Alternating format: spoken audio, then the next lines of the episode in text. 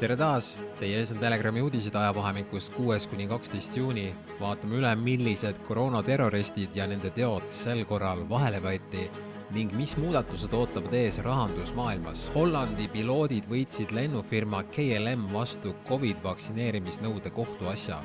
Üheksateistkümnendal mail esitas Hollandi lennufirmade pilootide ühendus VNV Amsterdami apellatsioonikohtusse kohtuasja lennufirma KLM poolt uutele pilootidele kehtestatud vaktsineerimisnõude vastu. teisel juunil langetas kohtunik otsuse pilootide kasuks. Karistusega sada tuhat eurot rikkumise kohta on kohtuotsuse kohaselt keelatud KLM-il koguda ja või kasutada teavet Covidi vaktsineerimisstaatuse kohta ja või lükata tagasi kandidaadid, kes ütlevad, et nad ei ole vaktsineeritud ja või nad ei soovi vaktsineerida. Kõrgõzstani terviseminister pandi trellide taha, ta ostis liiga palju Covid vaktsiine. Kui pikka aega näis, et Kõrgõzstani terviseminister Alamkader Bejnalijev võib üksnes oma ametikoha kaotada, siis nüüd on selge, mees läheb trellide taha. põhjus, ta oli ostnud kaks koma neli miljonit koroonavaktsiini annust, liiga palju riigiprokuratuuri hinnangul aegus liigsete ostude tõttu üle kahesaja neljakümne tuhande kasutamata viaali. Arvestades seda, et Eesti on tellinud üle kuue miljoni koroonavaktsiini doosi ja eestlasi on vaid üks koma kolm miljonit, siis kas Tanel Kiik on järgmine? tervisediktatuuri tunnistamine. AstraZeneca kaubandushuvid kaaluvad üles teabevabaduse Suurbritannias on aset leidnud pretsedent, kus valitsus tunnistab, et vaktsiinitootja kaubandushuvid on piisavaks põhjuseks, miks teda vabastada vastutusest kohtuvaidlustes. Wikisbiti partner suri pärast AstraZeneca vaktsiini, mille peale naine tegi teabevabaduse seadusele tuginedes infopäringu, et uurida, millistel tingimustel on vaktsiinitootja vabastatud vastutusest kohtuvaidlustes. selle peale vastati talle, et AstraZeneca kaubandushuvid kaaluvad üles päringu esitanud kodanikule info vabastamise kohustuse. usaldame teadust, eks ju? Tagasilöögi efekt pärast Covidi vastaseid tablette, viie päeva pärast jälle positiivne.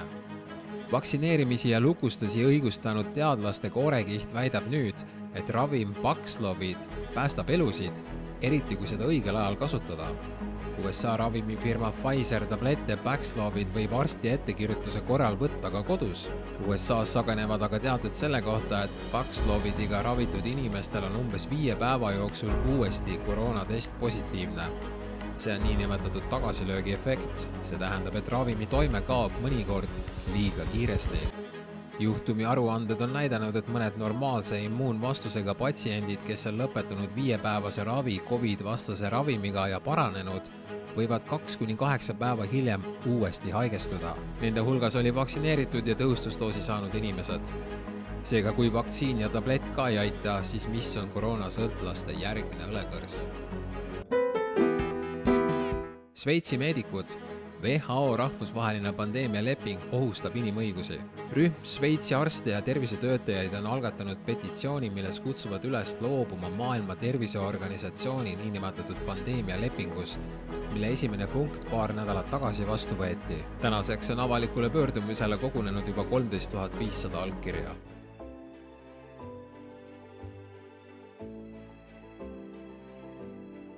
With this treaty, based on cases alone, the WHO could declare pandemics.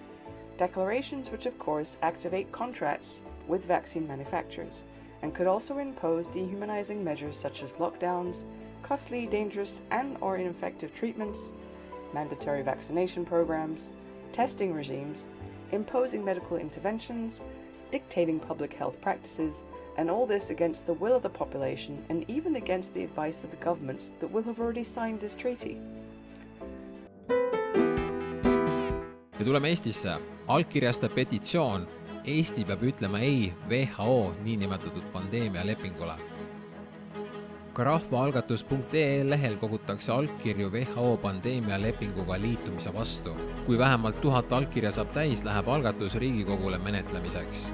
pöördumises tuuakse välja põhilised leppe kitsaskohad ja WHO kahe aasta möödalaskmised, millele tuginedes nõutakse, et esiteks Eesti ei tohi liituda WHO niinimetatud pandeemialepinguga, vaid siinsed tervisepoliitika otsused tuleb teha koha peal Eesti kohalikke olusid, majandust, vaimset tervist, füüsilist tervist ja laste heaolu arvestades.